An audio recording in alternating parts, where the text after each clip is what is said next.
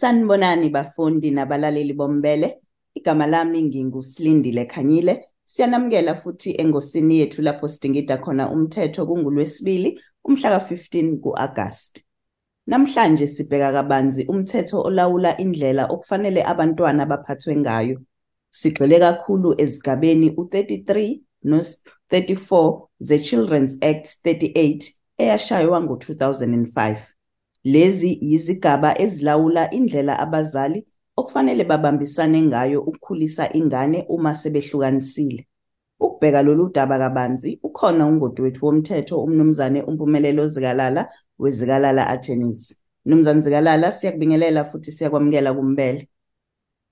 Ngikubingelele kakhulu bese ngibingelele kakhulu ababukeli nabalaleli bombele. Mnumzane Zikalala mhlawumbe yisiphi isinyathelo sokuqala okufanele abazali basithathe uma ngabe sekufanele banqume ukuthi bazobambisana kanjani ukukhulisa umntwana. Asikhumbule ukuthi okubalulekile ukuthi kufanele bakhumbule ukuthi angeke bakwazi ukwenza bebodwa ikakhulukazi abantwana abangaphansi kweminyaka ku-18 inkantolo ifuna into ebhalwe phansi neyekhombisayo ukuthi nizobambisana kanjani kuyona yonke le process. Inkantolo bese ithemba kakhulu-ke i-ofisi lika-family advocate ukuthi lona lizokwazi ukunikeza umhlahlandlela ukuthi kuvunyelwe ngane so isinyathelo sokuqala ukuhamba nje niye lapha kulela ofisi lika-family advocate nifike nizosho ukuthi cha sesithatha isinqumo esifana njengalesi siney'ngane khona ebesifisa ukuthi ihhovisi lini likwazi ukuthi lingenelele. Khona sobona ukuthi sovumelana kanjani ukuthi ukukhuliswa kwey'ngane sokukhulisa kanjani. Masikwenza lokho njengoba usushile nayo i-children's act yasho ukuthi ijoko elibeka amahlombe ethu ukuthi sikhulise iy'ngane lisebenza kanjani.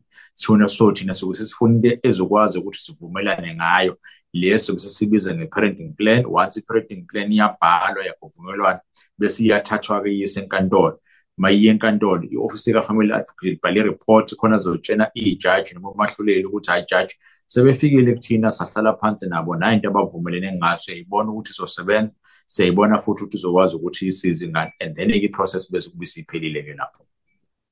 Uma kuwukuthi abazali behlukanisa kodwa bengadweshulani lokho kugcina kubenze baba yizitha sikhona yini isidingo sokuthi baye enkantolo ukuze balekelelwe ukuthi bazobambisana kanjani ukuqhubeka bakhulise abantwana babo lokho sikhona isidingo sokuthi baye enkantolo sokhumbula ukuhlukanisa ukuba khona kungayiwanga enkantolo.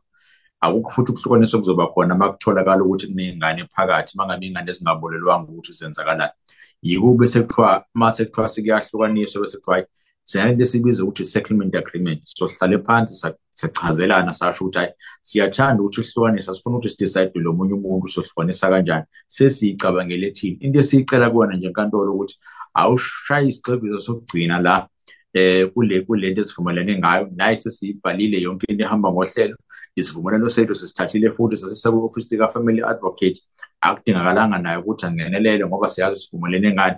Esikufuna kuwena enkantolo ukuthi hayi nje eh approve lento esesiyenzile noma le esikhona khona impilo izohamba ngohlelo. So kuyenzeka ukuthi abanye bazothi asifuni ngisho ukulwa asivumelana ngayo yonke into sibhale phansi kodwa isivumelano sethu ukuze sikwazi ukuthi siphelele noma sipheleliswe kufanele sihambe siye enkantolo siyothula isixebiso sokugcina. Once asho leso sixebiso hayi sekuphelile. Kungabe inkantolo inquma kanjani ukuthi yimuphi umzali ozohlala nezingane inkantolo esuke sizwa kakhulu office lika family advocate lona libe selibheka ukuthi ake sibheke ukuthi ingane ibihlala kanjani sibheke nama resources noma mhlawumbe amandla alowo mzali ukuthi yena uthanda ukuhlala nengane. Into ekuba khona bekuthiwa asifuni ukuyiphazamisa ngendlela ekade ikhula ngayo one. Number two asifuni ukuthi siyiphazamise noma si-introduce izinto ezintsha kuyona noma sehlise izinga lempilo ekade liphila ngoba nayo kuthiwa abazali abasahlale bobabili. Yebo kungenzeka ukuthi abasakwazi uku-afforda mhlawumbe ngokomsebenzi noma ngendlela kade benza ngayo kodwa ekuthiwa impilo yayo ezoyiphila kuthiwa mase kuthiwa senihlukene icishe ifanele incamashina lekade niyiphile ngesikhathi ningakahlukani khona ingeke izi-disturbek so mkhumbula ukuthi umuntu obaleke ukudlula konke kulokhu iyona ngane noma izona iy'ngane esuke sifuna ukwenza sure ukuthi sikhula ngendlela e-right. Phinde lapho bese kuzobhekelela sekutheni ngoba siyazi ukuthi lezi ngane zidinga abazali bobabili ukuthi babe involved noma babe yingxenye yempilo kakhulu. Eyiphi indlela esizokwenza ngayo ukuthi akube se-accommodate-eka noma sibheke ukuthi uma kuthiwa baba yingxenye umsebenzi lo abasuke sebewenza noma ukungahlali kwabo bobabili kusuke kuzo-accommodate-eka yini na? Ake sithi omunye ubaba usesebenza egoli omunye usebenza la eThekwini bese kuthiwa hayi wena ngoba uyabuya ngama-weekend ake siyithathe kule parenting plan sikunike isikhathi sakhe esiningi ngama-weekend sikunike isikhathi esiningi ngama-holiday ukuze sikwazi ukuthi sibhalansise kuyona yonke le process esuke siyenza. So uma sekubhekwa lapha kuleyo parenting plan kusuke kubhekwa izinto ey'fana njengalezo. Kodwa into esuke sengqondweni ngaso sonke isikhathi ebantwini abayenzayo nesengqondweni yenkantolo ngesikhathi esiyicubungula inkantolo isuke ithi angifuni ukuthi ingane iphile impilo ehlukile kunale kade iphile ekuqaleni ngifuna ukuthi izinga layo lempilo licishe lifane kodwa angeke ngize ngikwenze lokho ngingabhekanga ukuthi amandla abazali abathatha ababeke kuphi. If ngibona ukuthi amandla esehlile ake sibone ukuthi ama-alternatives amaphi kodwa uma kuwukuthi amandla asakhona asenze sure ukuthi ingane i-standard of living noma uhlobo lempilo kade liphila iyaqhubeka nokuligcina kungabonakali nokuthi abazali sebehlukene.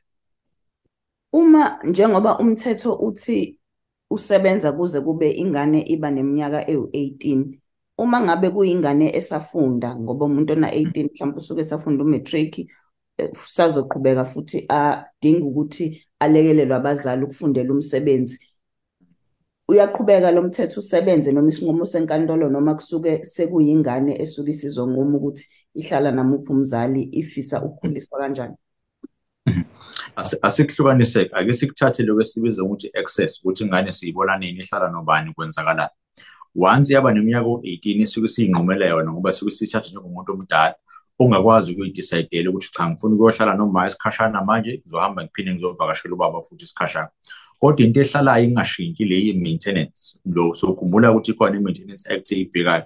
Yona i-maintenance ethi yebo ngizokondla i-age kuyiyona ebalekile u-18 kodwa okunye engizobe sengiyakubheka ukuthi uyakwazi yini ukuthi uyimele kuleyo process.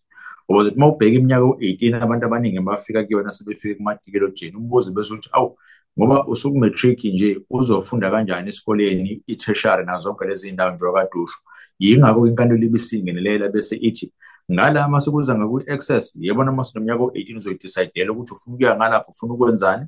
Kodwa mase kuza ku-maintenance soqhubeka thina siyi-enforce up until size sibone ukuthi le ngane siyakwazi ukuthi iyimele lapho okunye kube sekushintsha ayisamdingi umzali ngoba phela naye siyindala sikumthatha ubaba noma umthatha umama umuse enkantolo ithi ngikukuletha la ma nobaba ngoba ngifuna ukuthi aningondle kantolo ngicela ubuke nako ngirejistile ngidinga ukufunda e-res la ngihlala khona ngihlala endaweni nje ikhokha imali engaka ngidinga nemali yegrosa ngicela nje ukuthi abangixhase eh le minyakana le ngiqede mase ngiqedile ngizobe sengiyakwazi ukuthi ngiyimele iyakwazi inkantolo nokuthi ngenelele nalapho Mnumzane Zikalala njenganjalo siyabonga kakhulu ngesikhathi sakho. Kubonga mina kakhulu nibe nosuku oluhle. Lowo bekungumnumzane uMpumelelo Zikalala wezikalala Attorneys siyabonga.